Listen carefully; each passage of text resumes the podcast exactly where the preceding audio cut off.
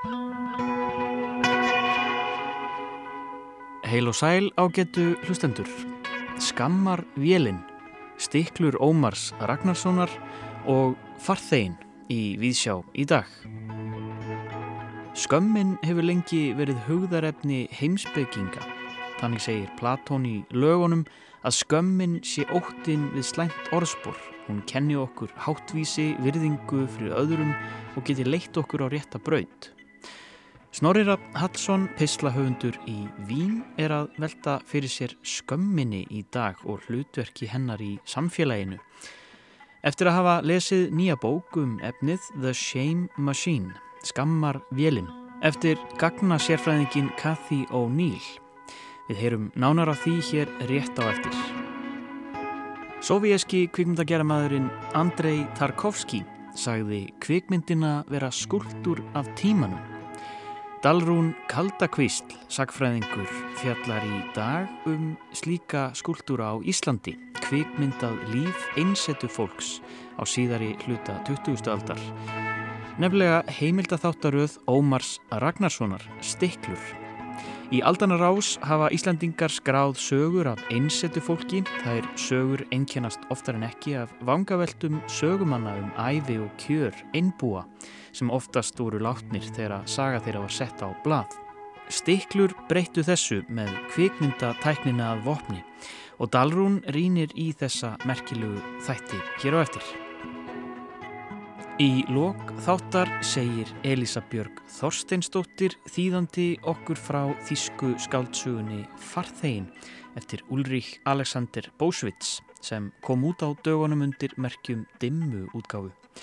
Sagan var skrifuð skömmu eftir Kristalsnóttina í november 1938 og segir frá gýðingi í Berlín, kaupsíslumanninum Otto Silbermann, sem hefur flúið heimili sitt og reynir eftir bestu getu að sleppa frá heimalandi sínu. Þótt farþegin hafi verið skrifuð á Þísku, fegst bókin á sínum tíma ekki útgefin í Þískalandi. En eftir að uppbrunalegt handrit kom í leitirnar árið 2018 var ekki eftir neinu að býða og bókin hefur nú hlotið endur nýjun lífdaga. Elisa Björg verður gestur okkar hér í lokþáttar og segir okkur frá farþeganum.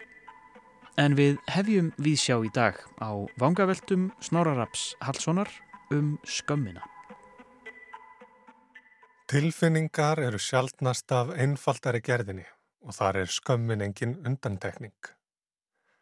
Þessi tilfinning sem við finnum fyrir þegar okkur verður á, þegar við segjum eitthvað vittlaust eða seilumst aðeins of langt. Þetta óþægilega viðbræð við því að finnast maður ekki vera nógu góður, að maður sjálfur sé á einhvern nátt ofullnægandi, það vanti eitthvað upp á. Skömmin hefur lengi verið hugðarefni heimsbygginga og annara pælara.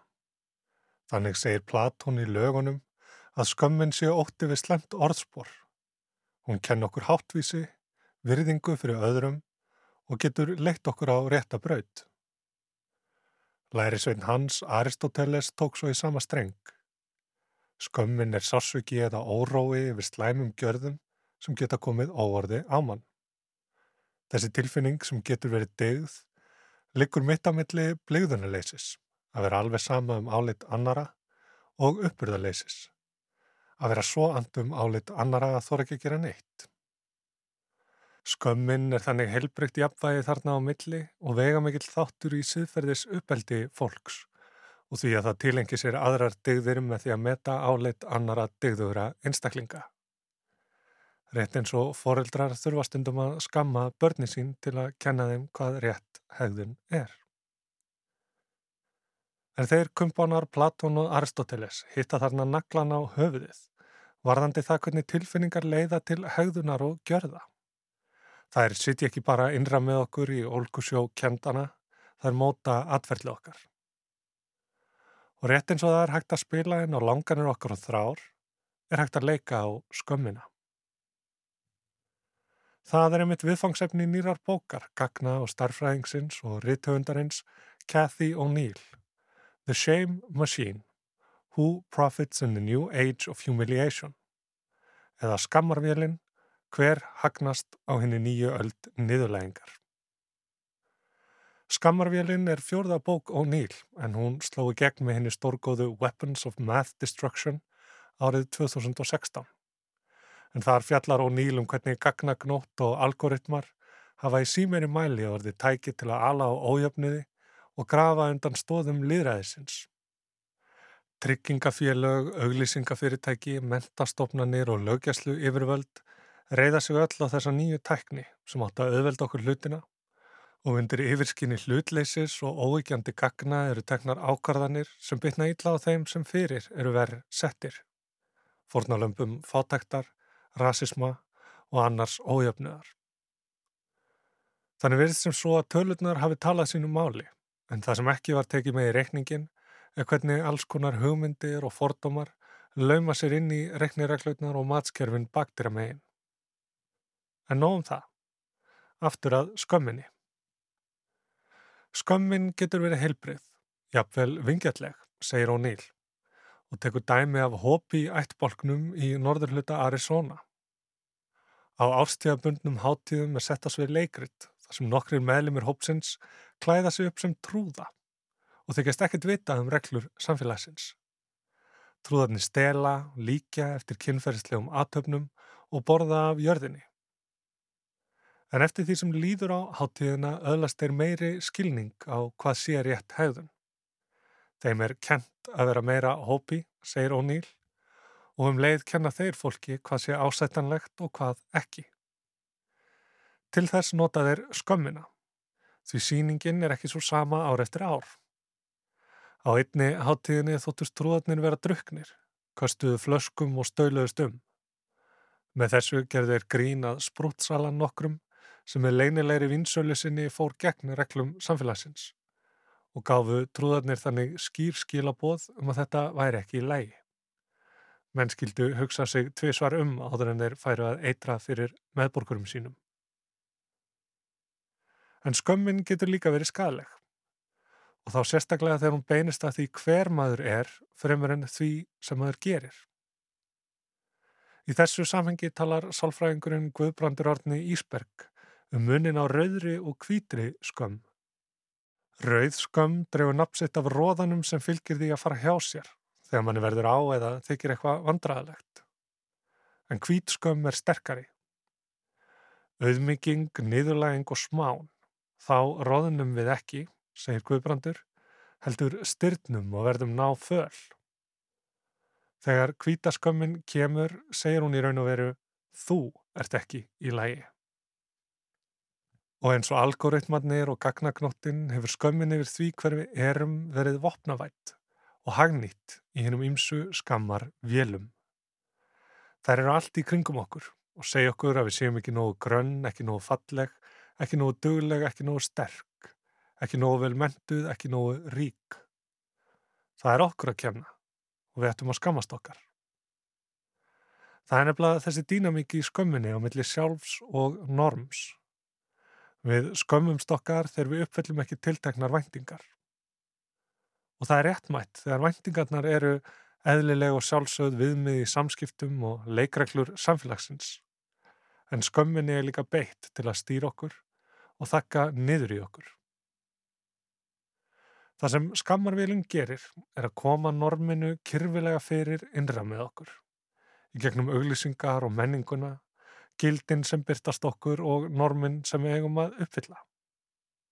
Svo smánar hún okkur þegar við stöndum ekki undir þessum væntingum og það gerir hún til að fá sínu fram. Einn af helstu styrklegum bókarinnar er hver persónuleg óný leifir sér að vera og reykur hún sína eigin baróttu við útlitt svo fytu fordóma. Frá 11 ára aldri var hún af og á megrunakúrum sem aldrei skiluðu langvarandi breytingum og vegna skammarinnar sem fylgdi því að vera öðruvís en aðrir, kent hún sjálfur sér um. Hvað gerði ég ránt, skrifar hún Níl. Það virtist hafa verið val, kvísl á veginum. Hver einasti heilbriði einstaklingur í samfélaginu sem bar virðingu fyrir sjálfum sér hafði valið réttu leiðina og ég valdi þá röngu. Kanski var ég veikgeðja, löt eða heimsk Hver svo sem ástæðan var, skammaðist ég mín því ég hafði klúðrað þessu. Skömmin byrgir okkur sín með því að koma sökinni fyrir hjá okkur sjálfum. Þó svo að við getum ekkert alltaf að því gert hvernig við erum. Holdarfar er til dæmis nátengt erðum og megrunarkúrar skila sjaldan eða aldrei tilætliðum árangri. En útlits yðnaðurinn þrýfst á skömminni, segir Óníl. Okkur og þá sérstaklega konum eru sendau skilabóða öll líti og óaðlagandi enginni skuli fela þar til hægt er að nema þau á brott. Hér byrtast okkur tvö helstu viðbröðin við skömminni. Þegar maður finnur fyrir misræminu og millið þess að manni er sagt að maður eigi að vera og þess að manni er sagt að maður sé, er maður líklegur til að draga sig í hlýja. Draga úr þeirri óþægilegu berskjöldun sem fælst í því að vera bara eins og maður er þegar maður á að vera einhvern veginn öðruvísi. Maður felur sig, heilur líkama sinn, heldur sig bara heima. Ef við hoppum aftur yfir í heimsbyggina, þá skrifar Sjón-Pól Sartre að skömmin sé ávalt það að skammast sín frammi fyrir einhverjum öðrum. Skömmin er ekki einföld sjálfstengstl, heldur stígur hinn inn í samband mitt við sjálfan mig og ég samþykki það hvernig hinn sér mig. Þessi hinn þarf ekki að vera tiltekinn persóna ef skömmin hefur tekið sér stöðu í miðju sjálfsins og þess vegna hverfur hann ekki þegar maður felur sig. Maður er bara myndur sjálfnar á skömmina beint. Önnur viðbröð við skömminni eru þau að breyta sjálfum sér. Þá hefur maður fallist á álit annara og gerir það sem maður getur til að laga sig að normunum losa sig við aukakílóin, kaupa hverskins töfravörur og meðferðarúræði eða gangast undir líta aðgerðir.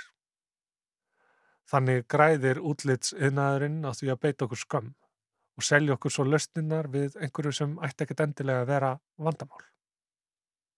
En skömmin og fordómatnir byrtast líka víðar og ónýl rekur vandlega hvernig fíklum og fátæku fólki er kent að skammast sín. Með því að líta á fíkn og fátækt og holdarfar sem siðferðisbrest og sjálfskaparvíti geta þeir sem fara með völdin til að breyta hlutunum fríað sig ábyrð á þeim vandamálum sem þarf að taka á.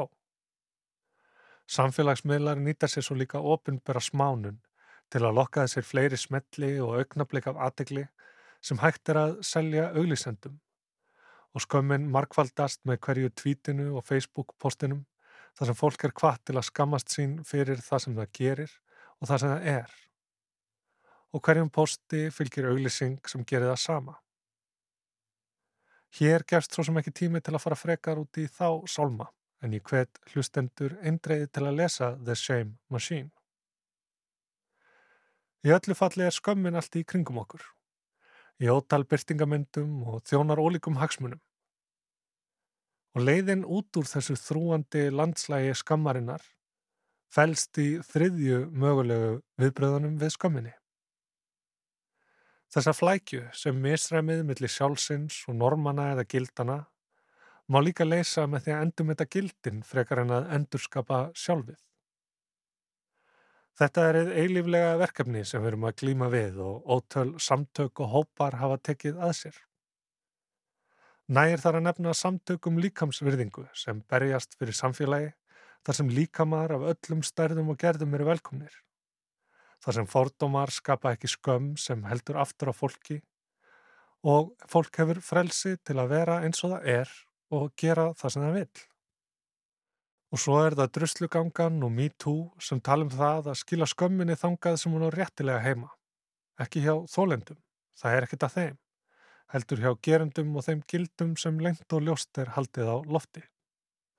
Þannig er réttmætið þeirra skorað á holm, vægið þeirra og máttur dragast saman. Hjá hópi ættbólknum eru þeir sem skammast sín ekki útskúfaðir úr samfélaginu. Þeim er fyrirgefið og þeir fá leðsögn. Skömmin er ekki nýtt sem valdatæki og henn er ekki beitt til kúunar, heldur farin að gegna þessu nöðsynlega hlutverki að leið okkur inn á réttabraut þegar við beigjum út af. Svo kæri hlustandi skamastuðin ef þú hefur gert eitthvað ránt, en ekki skamastuðin fyrir það hver þú ert. Sagði Snorri Rapp Hallsson, pislahöfundur í Vín um heimsbeki skammarinnar eftir að hafa lesið bókina The Shame Machine eftir Cathy O'Neill. Og við ætlum að halda okkur við pislana hér í Vísjá. Dalrún Kaldakvísl, sagfræðingur, hefur verið að horfa á stiklur Ómars Ragnarssonar og ætlar í dag að fjalla aðeins um kvikmyndaðar heimildir um einsetu fólk á Íslandi. Sólinn var hátt á himni og varpaði hlýjum geyslum sínum á fámalta bóndan með sjórekna hattin. Hattbarð bóndans slútti eilitið svo skuggi fjall á andlit hans.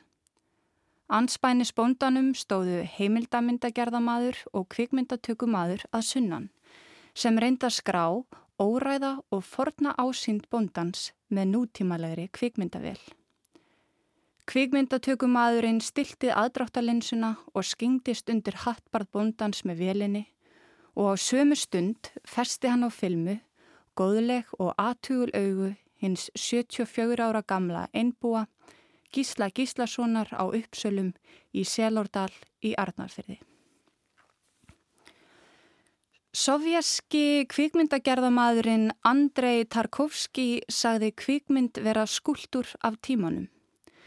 Það eru orða sönnu því kvikmyndamiðlinn fangar í senn, efnisheimin, hljóðheimin og andrumsloftið, tíman.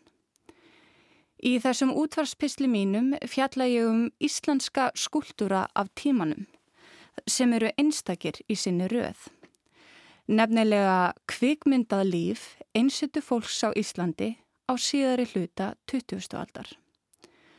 Árið 1981 urðu skil í sögu einsettu fólks á Íslandi þegar heimildatháttaröðin Stiklur í umsjón Ómars Ragnarssonar hóf gungu sína í ríkistjómarpinu. Heimildatháttaröðin Stiklur er í einfaldleik sínum íslenskir landsbyggðara kynningarþættir sem höfðu það að markmiði að kynna landsbyðina fyrir áhörendum sjónvarsins. Stikluþættirnir heyra undir hefð heimildamynda sem byggja á beinum samskiptum heimildamyndagerðamannsins við viðfangsefni sitt öðru fremur með viðtölum. Íslenskir einbúar koma ófáum sinnum við sögum í stikluþáttum Ómars Ragnarssonar. Ástæðan fyrir því var einlagur áhugi Ómars á lífi íslenskra einbúa. Áhuga Ómars á einlegaðar lifnaði ísletinga má rekja til þess tíma í lífi Ómars er hann sem ungur drengur dvaldi sveit hjá frængusinni Björkurunálsdóttur á bænum Kvammi í Langadal. Á landaregninni byggu einsettum aðgunnar Ástýrs Jónsdóttir og Ingun Sveinsdóttir í gömlum torgbæ sem var á hruni komin. Maðgurnar hleyftu engum inn í kotið og þar sáist ærið sjaldan á ferli. Lifnar hættir maðgnana vöktu forvitni hins unga Ómars sem hafði löngun til að vita meira um innmúrað líf þeirra maðgna. Mörgum áratugum síðar skrifaði Ómar um maðkunnar í henni velkunnu bóksinni Manga með svartan vanga skrif sem vittnuðu um þrá Ómars til að öðlast skilning á lindadómsfullu lífi einsetu kvennana. Í aldana rás hafa íslitingar skráð sögur af einsetu fólki. Þær sögur einkennast oftar en ekki að vangaveltum sögumanna um æfi og kjör einbúa sem oftast voru látnir þegar saga þeirra var sett á blað. Í rítuðum sögum sem fjalla um einbúa er líf þeirra yðurlega sveipað dölúð en það skortir sögurnar oftast sjónarhorn sjálfra einbúana. Líkt og ég fjallaðum í bókminni Jæðarkvenna saga, Furukonur og Einsettukonur á Íslandi. Kvikmyndamiðlinn opnaði nýja sín á sögu einbúa því sá miðill, ólíkt að rittforminu, hefur einstaka eiginleika til að fanga líðandi stund.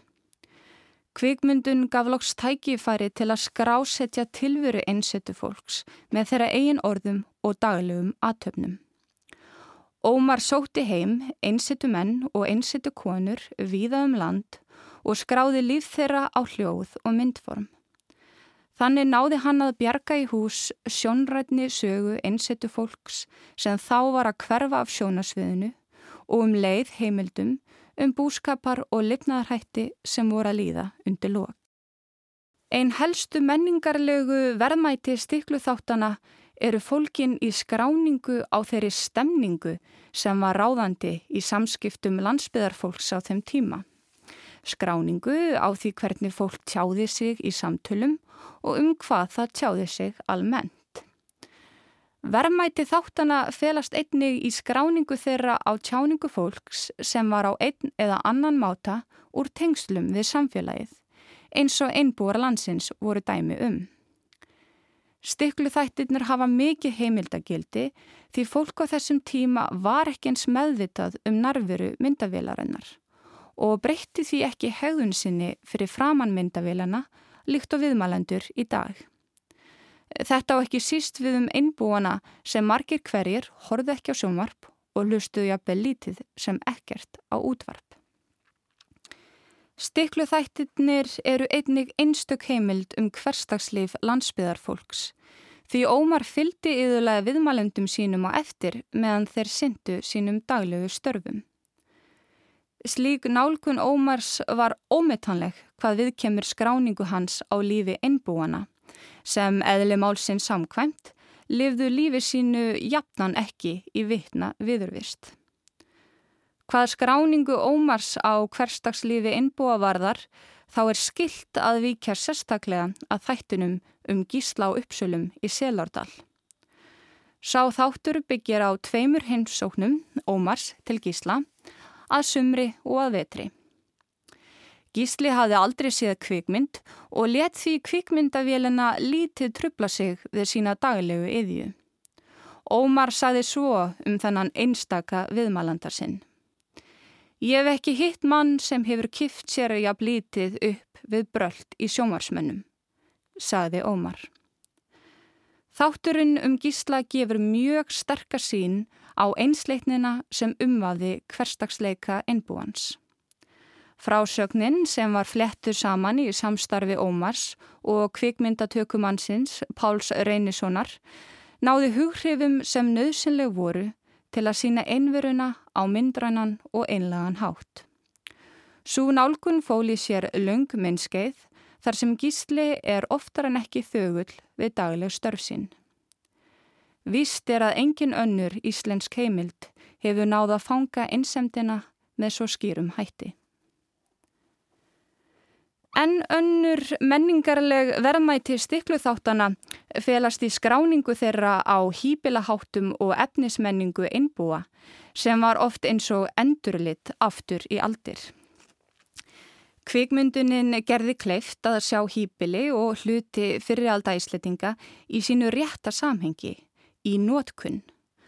Nokkuð sem er raunsannari upplifun á efnismenningu ísletinga en býðst með öðrum hætti svo sem með heimsóknum á söpn.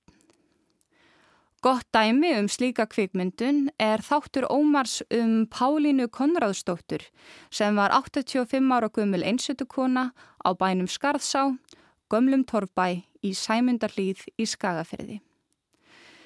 Dyrnar á bænum hennar Pálínu voru svo lágar að það er náðu Ómari einungis í brjóst. Þegar inn var komið blöstu við vistaverur Pálínu sem jafnframt voru sögursvið fyrri kynnslóða fjölskyldu hennar, þó með skemmtilegum frávikum úr samtímanum. Þau nútíma þægindi sem finna mátti í torfbæ Pálinu voru rennandi vatn í krana, útarstæki og vekjaraklukka, fristikista, sími og eldavél. Ómar hafði orð á því að bæjarhúsin væru eins og lifandi enda byggingarefnið allt af lífrænum toga.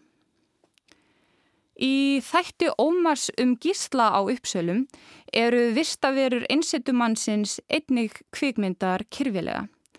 Allt frá óljulampa til gamalla upplitraðra poskorta, dagblaða úr fortíðinni, ósamstæðra botla, reikfallin síma, reyðgæðs barómets, kindabissu og nótna sem gísli gemdi hirslu í gömlum píanostól sem hann smíðaði sjálfur úr hjárni. Frásögnin af gísla sínir hvernig hýpili hans og hlutir voru nýtt í þáttunum til að fá fram frásagnir gísla um fortið sína og hverstags líf. Engin fyrða því hýpilin voru hans veröld allt frá fæðingu. Hér má nefna senu í þættunum þegar gamli maðurinn gísli er að klöngrast hægt upp stegan, snýr sér að myndatökumanninum og segir Á morgni lífsins þá hoppaði ég þetta, sagði gísli. Þættir Ómars af innbúum sína hver innbyggt það var í þeirra lífsmáta að nýta til fulls allt það ráefni sem þeir fóru höndum um. Í því sambandi má nefna viðtal Ómars við Hákon Sturluson sem hóf einsettu líf á síðari hluta æfisinnar á Hjalkars Eyri. Hákon bjó í kofa sem hann sjálfur kallaði Tófugreni. Þar bjó hann í samvistum við skeppnur sínar sem hann naut Ilsaf. Hákon einsettu maður var sérlega nýtinn á allt sem honum áskotnaðist til að mynda notaði hann pappirspoka sem húfu. Spirillin Óma Ragnarsson bar skinnbragð á nöðsin þess að spyrja viðmælendur út í afstöðu þeirra til ákveðina samfélagsmála. Til að mynda spurði Ómar gerðnan eldri konur í hópi viðmælanda sinna út í afstöðu þeirra til kvenréttindabaróttunar og bjergaði þannig í hús upplýsingum um afstöðu fyrirtíma kvenna til þeirra mála. Þegar Ómar spurði Pálinu Konradsdóttur einsettukonu hvað henni fyndist um að konur væru byrjaðar að hasla sér völl þar sem karlar þóttust vera allsræðandi, þá svaraði Pálina með ákveðinu röttu. Alveg sjálfsagt, þar áttu að vera búnar að því fyrir lifandi löngu. Já, þetta náði yngri átt hvernig þeim var haldið niðri. Þar mátti ekki njóta sín. Þar voru ekki látnar hafa sömu mentun og karlar og allt var það svona saði einsötu konan Pálina. Í viðtölum sínum við einsötu fólk spurði Ómar gerðnan út í atriði sem tengtust einsötu lífinu. Dæmum það er þegar Ómar spurði einbúa hvað þeir gerð á daginn, svo sem hvort þeir hlustuðu á útvarpið. Einnig spurði Ómar einbúa sem byggur alfara leið hvort þeir fengju umgangspestir. Í gísli á uppsölum hvaðst eitt sinn hafa fengið árans pest svo hann varð að liggja í heilan dag. Var alveg ómögulegur, sagði gísli. Í viðtölum sínum við einbúa grenslaðist Ómar gerðnan fyrir um áhuga þeirra á að flytjast á nýjar slóðir. Gísli á uppsölum sagði að það kæm ekki til greina og hvernig sem fer þá ætla ég mér að leggja upp laupana hér saði Gísli við Ómar. Einbúinn og bóndin Sigriður Ragnarstóttir á Hrafnabjörgum í Arnafyrði saðist ekki geta hugsa sér að flytja á möluna. Hún saðist vera orðin of gömul og mosavaksin til að flytja sig um set, svo hló hún. Í viðtölunum spurði Ómar einsettu fólk gerðnan út í það hvort það erði einmanna. Þá komi ljós hvað dýrin sem þau livðu í samvistum við skiptu miklu máli. Dýrin voru bjargráð einbúa í einverunni. Þegar Ómar Ragnarsson spurði hinn 88 ára gamla bónda, Ekkil og einbúa Þórð Runolfsson í Haga í Skoradal, hvort það væri ekki gott að hafa félagskap hundsins á veturnar, þá svaraði Þórður. Blessaður vertu, þetta er alveg ómetanlegt að hafa kvikindi, sagði Þórður. Bóndin og einbúin Sigurjón Guðbjartur Jónasson á lokinhömrum í Arnaferði sagði rollutnar skipta sig miklu máli í einverunni. Í viðtalinu við Sigurjón kemur fyrir narmynd af húnum með tvær rollur í faðmi sér og þulurinn Ómar segir Það er engin einmanna með svona vini.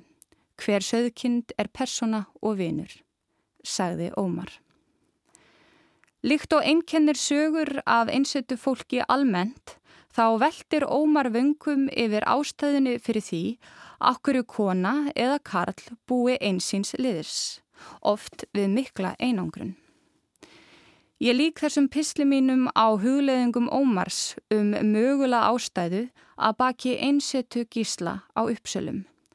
Bóndans sem átt eftir að verða hluti af þjóðarímynd Íslands eftir að þátturinn um hann var frumsýndur á jóladagskvöldið árið 1981. Ómar sagði svo um fortíð gísla í þættinum. Hvers vegna skildi þessi maður hafa valið sér þennan merkila lífstil og sætt sér svona vel við hann? Ég hef heyrt sagt að á úlingsárunum hafa hann verið haldinn mikillu útþrá og langað til sjós.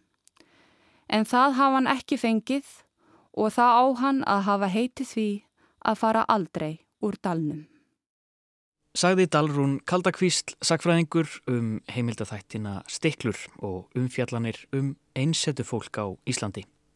En þá hugum við að bókmyndum hér í Víðsjá, skaldsagan Farþegin kom út í Englandi árið 1939. Það er önnur skaldsaga þýska geðingsins Ulrich Alexander Bósvits. Við viljum að hefja þessa umfjöllun á farþeganum á að heyra brot úr öðrum kabla þegar að nokkrir brúnstakkar nazista knýja dýra hjá sögumanninum Otto Silbermann.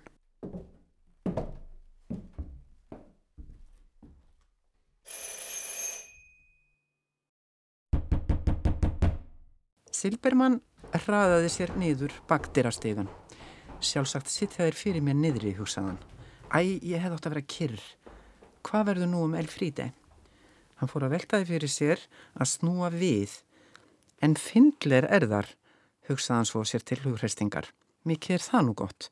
Ágætis kall þrátt fyrir allt. Ef ég hefði verið áfram uppi, hefði ég áraðanlega gripið til einhverja örþrifar á það. Veitt mótspyrnu, kannski meira að segja skotið í alvöru.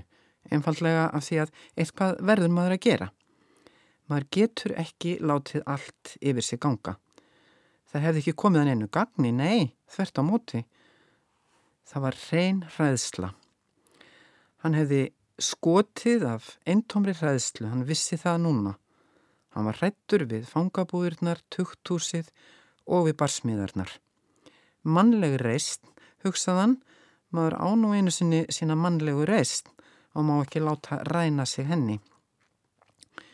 Silbermann hikaði á leiðinni því að hann kom auga á mann fyrir neðan stígan.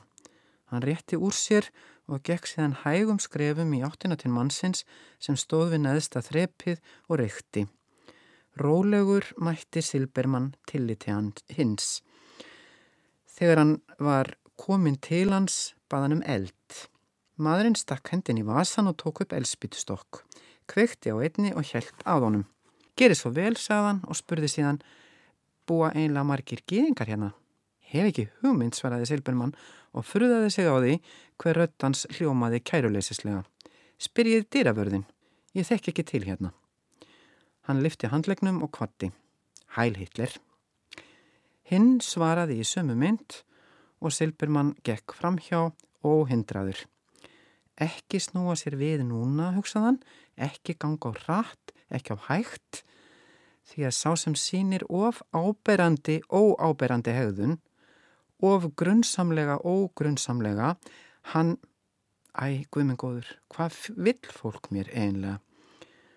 Hann var komin út úr andrinu og gekk yfir inngarðin. Á leiðinni tók hann um nefið á sér. Það sem þú ert mikilvægt, hugsaðan. Norðið er það undir þér komið hvort maður er frjáls eða fangi, hvernig maður lifir, hvort maður lifir.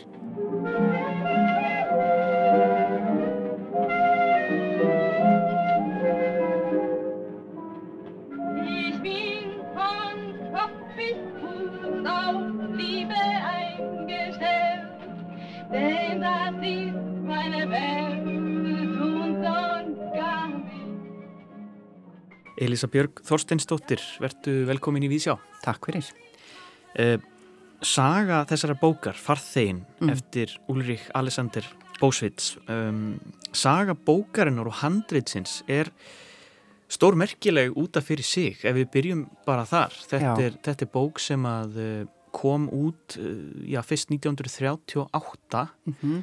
og hefur síðan velt svolítið um svona heiminn. Já, já, það má segja það. Hún kom út held ég reyndar sko á, hérna það skipti nú meginmáli, uh, á ennsku kom hún út fyrst 39, hún er skrifuð 38, uh, trúlega bara í, ekki trúlega, heldur hún er skrifuð í beinu framhaldi af upphafi uh, skipulaðra gýðingaáfsókna í Þískalandi í november 38, Kristalsnóttin. Og kemur út, þá var hann reyndar höfundurinn flúin sjálfur. Hann, það var ljóst í hvað stemdi en hann var flúin og skrifaði þessa bók. Að ég held helst í Belgíu, hún kemur síðan út undir dulnefni í Englandi 39 í Bandaríkjónum í sömu þýðingu en undir öðrum tikli árið eftir, semst 40 En frum gerðin sem sagt þíska handritið, velritað handrit, það eiginlega bara hverfur til að byrja með. Eða það fæst ekki útgefið og gleimist síðan nánast. Mm. Síðan gerist það e, 2018 að sýstur dóttir höfundarins sem e, vissi af tilveru þessa handrits hefur samband við útgefanda sem heitir Peter Graf hjá Klettkotta í Þískalandi og segir hann um að þessu og hann fyrir á stúfana, finnur handritið á þjóðarbókluðunni í Frankfurt fer þangað, það segir frá því í eftirmálanum hann mm -hmm.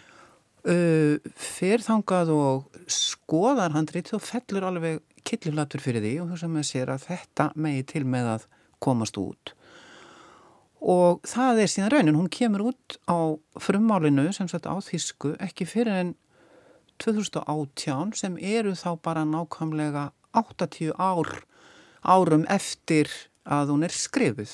Hún skrifuð á stuttum tíma verðist vera og þá er höfundurinn sem sé ekki nema 23 ára gammal mm.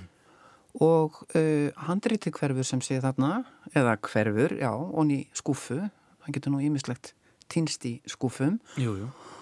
Og höfundurinn sjálfur, ég veit ekki hvort við um að fara út í sögu hans síðan líka mm. því það náttúrulega hún, það er svo margt nefnilega, ég var að veltaði verið mér það er svo margt sem er dramatíst við þessa bók, Já. það er saga höfundarins mm -hmm.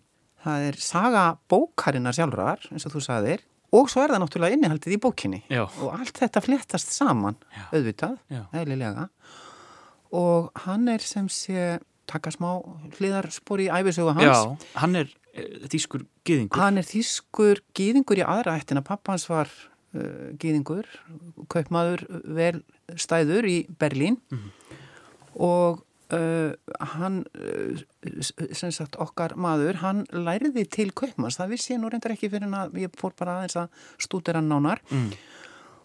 Var búin að missa föður sinn Uh, flúði þegar uh, ljóst var í hvað stemdi með uh, móður sinni fyrst til Svíþjóðar flakkaði hingað þonga Svíþjóðar Noregs fór til Belgíu, Fraklands, Lúsamburgar, Englands og er síðan þegar stríði prestur á þá var hann fluttur á samt mömmu sinni til Englands mm -hmm. þar er hann eins og ymsir fleiri handtekinn sem óvinnveittur utanakomandi einstaklingur settur í fangabúður fyrst í Englandi og síðan fluttur til Ástralíu þar sem hann var í tvö ári fangabúðum og er síðan um það byl að öðlast frelsi þaðan og snúa aftur til Englands eh, í oktober eh, 1942 mm um borði skipi þegar eh, skipið er sprengt í loft upp sem þjóðverjar sprengja skipið sem hann er með mm.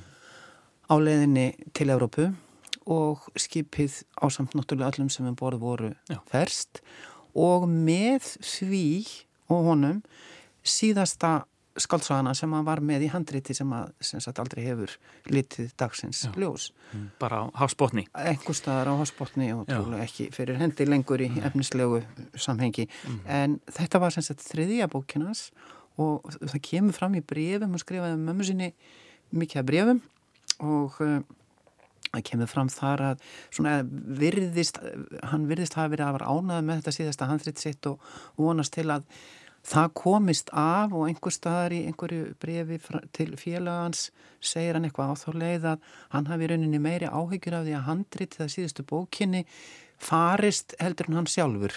Já. en eh, sem sagt hvort tveggja reyndist raunin sko. þannig er þetta með en eftir, en eftir hann liggja tvær skáltsugur tvær skáltsugur það er svo fyrsta hún kom út einmitt undir dölunefni í Svíþjóð 37 mm. að mér minnir. Hún er allt öðru vísi hún er svona, hún gerist hún er ekki svona alveg hrein samtíma saga eins og þessi sko. Uh, sagt, farþegin, hún er gerist á þriðja áratögnum hún er staðsett aðeins fyrr. Mm. og öðru vís já, sjálfsögðu öðru vísi já heitir uh, fólk til hlýðar við lífið eiginlega og seg, segir frá svona utangarsfólki í Berlín á þriðja, þriðja áratöknum semst eftir fyrra stríð og svona í aðdraganda kreppuna miklu. Mm -hmm. og súbók kom líka út í beinu framhald af því hversu vel farþegin gekk, þá var hún semst gefin út í Þískalandi í fyrsta skipti líka bara hvort það var ekki sama árið árið eftir. Já Þannig að þær eru til tvær á sagt, ymsum tungum en bara þessi sem sé á íslensku.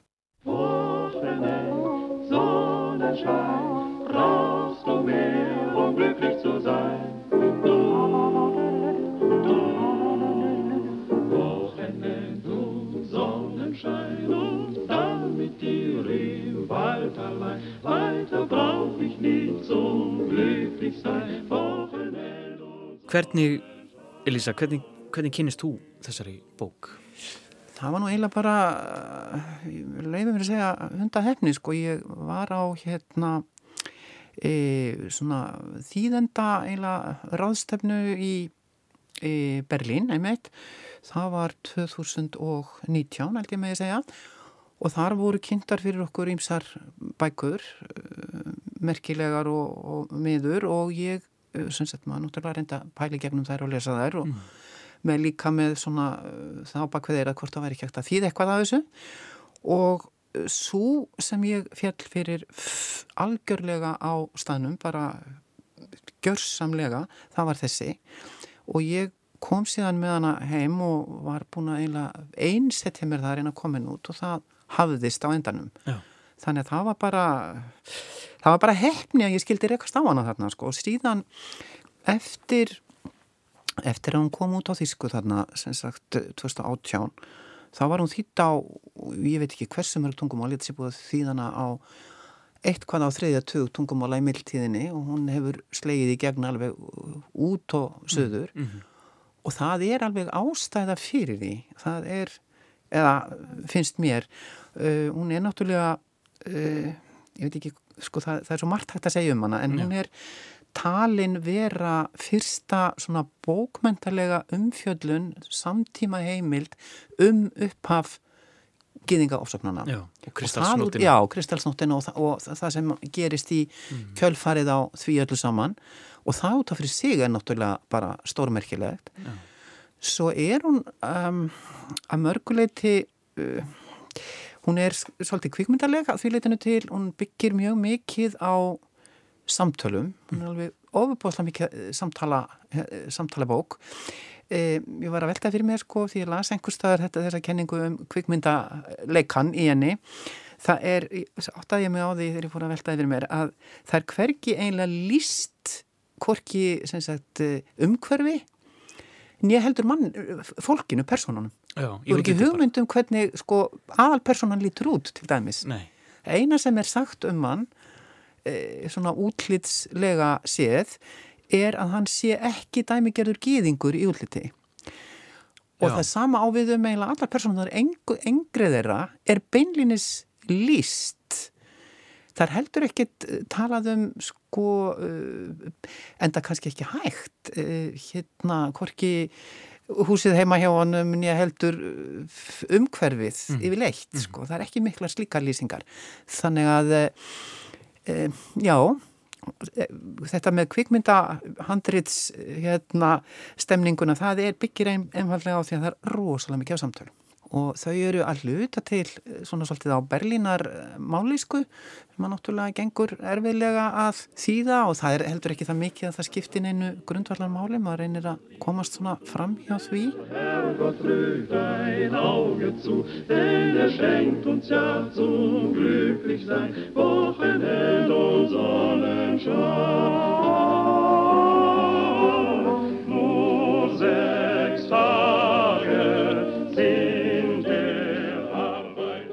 eins og segir þessi kvikmyndaleiki ef við orðum það þannig mm. um, maður fær svolítið á tilfinninguna að þessi skaldsaga sé skrifuð uh, já ekki í óðagoti en svona já.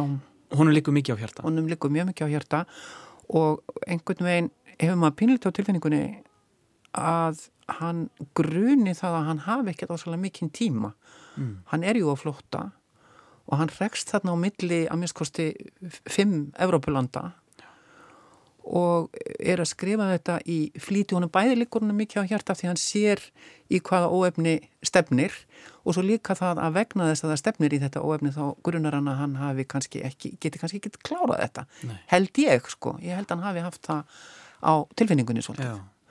og uh, já, en honum sem sé tóksta Takst þetta já. Já. Mm.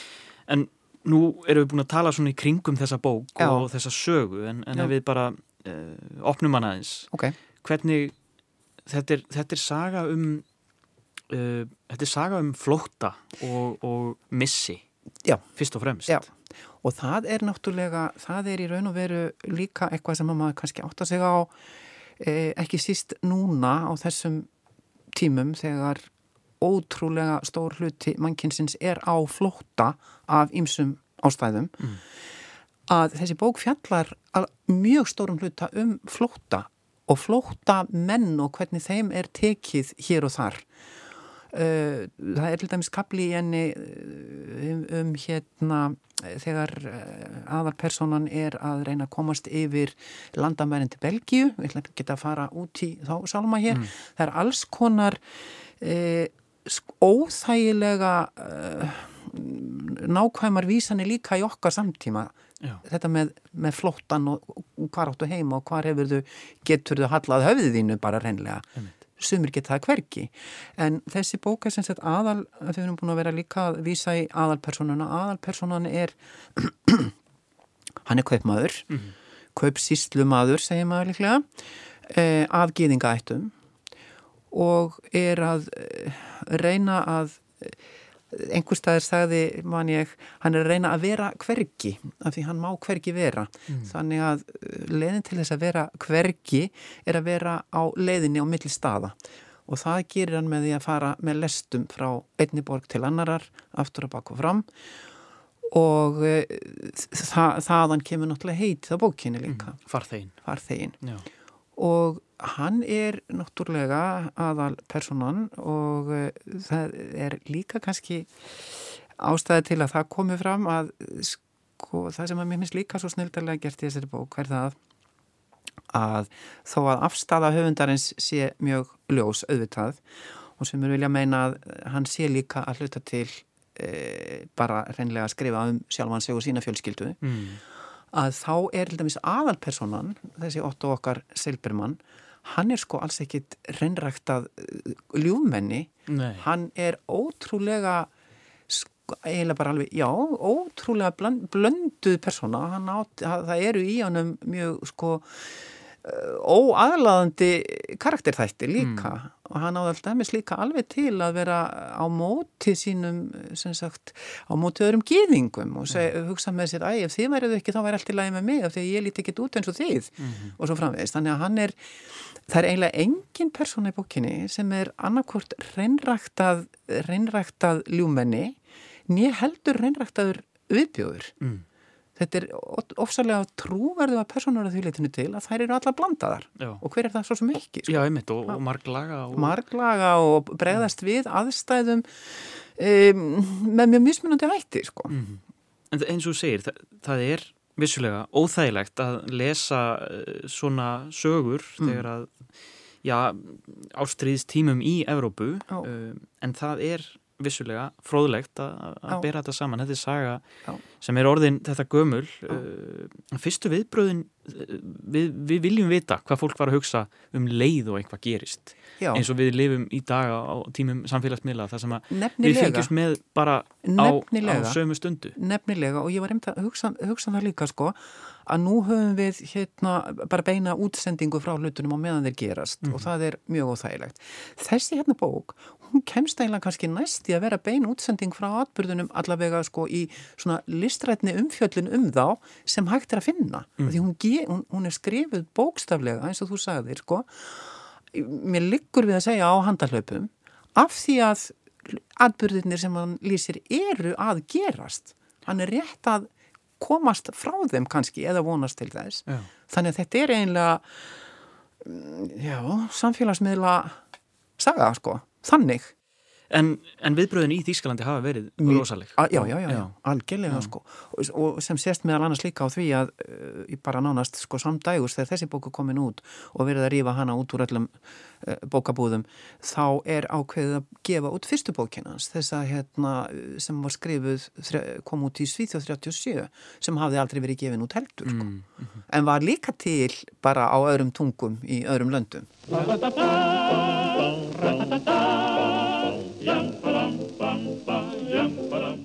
Þetta er stórmerkileg bók, Farþegin eftir Ulrik Alexander Bósvits. Um, núna komin út á íslensku. Elisa Björg Þorsteinsdóttir takk hérlega fyrir komuna og segja mér frá þessari stórmerkileg bók. Takk fyrir mig. Nur auf dich selbst kommt es an. Zeigt dem Leben frech die Zähne, mal hat jeder seine Strähne. Hér undir ómar söngur þíska söngkópsins Comedian Harmonies. Þessi upptaka er frá árinu 1932, lagið heitir Einmal Schafts Jeder.